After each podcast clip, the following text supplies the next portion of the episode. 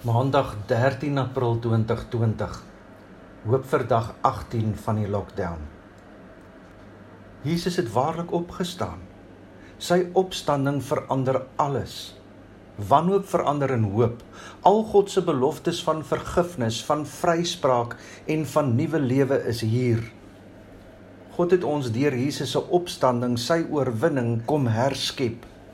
En hierdie herskepingsproses gaan voort in ons lewens totdat Jesus weer kom of totdat hy jou kom haal.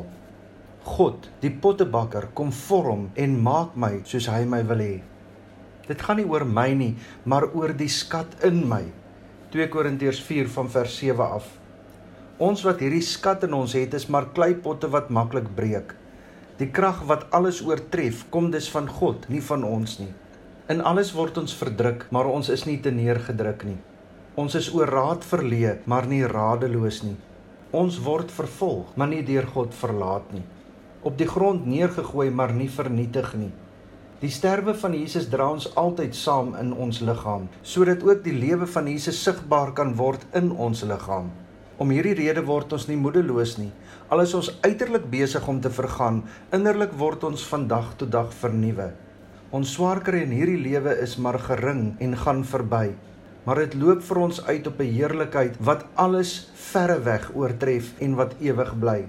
Ons oog is nie op die sigbare dinge gerig nie, maar op die onsigbare.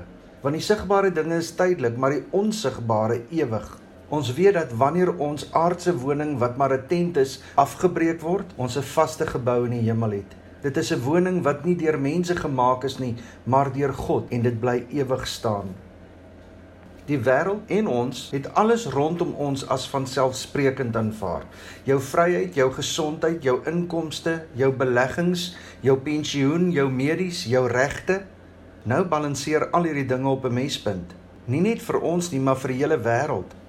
Alles is nie meer so duidelik nie. Alles is nie meer so seker nie.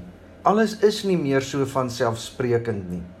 Ons is nog in 'n staat van ontkenning, maar ek dink dat dit baie lank gaan wees voordat dinge weer normaal gaan wees. Die belangrike vraag is dalk eerder of alles normaal was. Was ons prioriteite so goed en edel? Was ons hoop gefokus op die onverganklike dinge? Was ons verhoudings gebou op onvoorwaardelike liefde? En skielik in 'n oogwink staan die wêreld stil en besef ons dat ons almal maar op die ou einde in dieselfde bootjie is. Ons is almal breekbare kruike. As alles nou op hierdie oomblik weer normaal sou wees, die virus gewen en almal kan weer aangaan met hulle lewens, gaan die kerke weer uit hulle nate bars. Keer mense werklik weer terug na God toe, soos wat hulle nou te kenne gee op sosiale media? Alles en almal is nou besig met Christelike boodskapies van hoop. Maar is dit eg? Is dit net vir nou want dit is so pragtig of gaan parkeer dit in my hart? Hoe gaan jou godsdiens hierna lyk? Dit laat my dink aan Noag. Kyk, hy het gesoeg en hy het gesweet. Hy was gehoorsaam, hy het gebou in die ark, hy het geglo, hy het vertrou, selfs toe net hy en sy gesin in die ark oor was toe die ark se deur weer oopgaan en hulle veilig op die land was, het God selfs 'n verbond met Noag gemaak. Nooit weer nie, nie so nie. Die reënboog is die waarborg.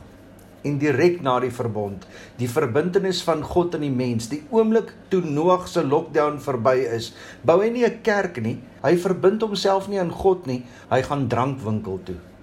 Genesis 9 vers 20. Noag was 'n boer, die eerste wat 'n wingerd geplant het. Hy het die wyn gedrink en dronk geword en hy het kaal in sy tent gelê. Dit is hoe iemand optree wat verlos is, bevry is, 'n nuwe kans gekry het. Ek is bevrees dat dit is wat met ons as mense ook gaan gebeur. Solank ons in lockdown is, is God nommer 1. Hy is ons hoop, maar die oomblik wanneer ons weer kan aangaan met die lewe, sal die kerke leeg bly en die kroë vol. Wat sê 2 Korintiërs 4 vers 18? Ons oog is nie op die sigbare dinge gerig nie, maar op die onsigbare, want die sigbare dinge is tydelik, maar die onsigbare ewig. Ek hoop en bid dat mense dit sal beleef. Ons is nou weer in die ark. 40 dae en 40 nagte se verwoesting vind daar buite plaas. Besef asseblief dat jou huis nie die ark is nie. God se hande is jou ark. Hierdie tyd is nie net 'n tyd van worstel oor hoe die wêreld hierna gaan lyk nie. Dit is eerder 'n worstel oor hoe jy hierna gaan lyk. 2 Korintiërs 4 vers 7 en verder. Ons wat hierdie skat in ons het, is maar kleipotte wat maklik breek. Die krag wat alles oortref kom dus van God, nie van ons nie. In alles word ons verdruk, maar ons is nie te neergedruk nie. Ons is oor raad verleë, maar nie radeloos nie. Ons word vervolg, maar nie deur God verlaat nie. Op die grond neergegooi, maar nie vernietig nie. En daarom moet jy in hierdie tyd vir jouself uitmaak, wie gaan God in jou lewe hierna wees? En as jy besluit om jouself in hierdie tyd aan God oor te gee vir 'n herskepping, sal jy besef dat God nog altyd met jou besig was en kan jy as klei rustig oorgegee in sy hande wees terwyl hy jou vorm en maak soos wat hy jou wil hê. Filippense 4 vers 4 en verder. Wees altyd bly in die Here. Ek herhaal, wees bly.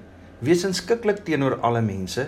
Die Here is naby. Moet oor niks besorg wees nie, maar maak in alles julle begeertes deur gebed en smeking en met danksegging aan God bekend.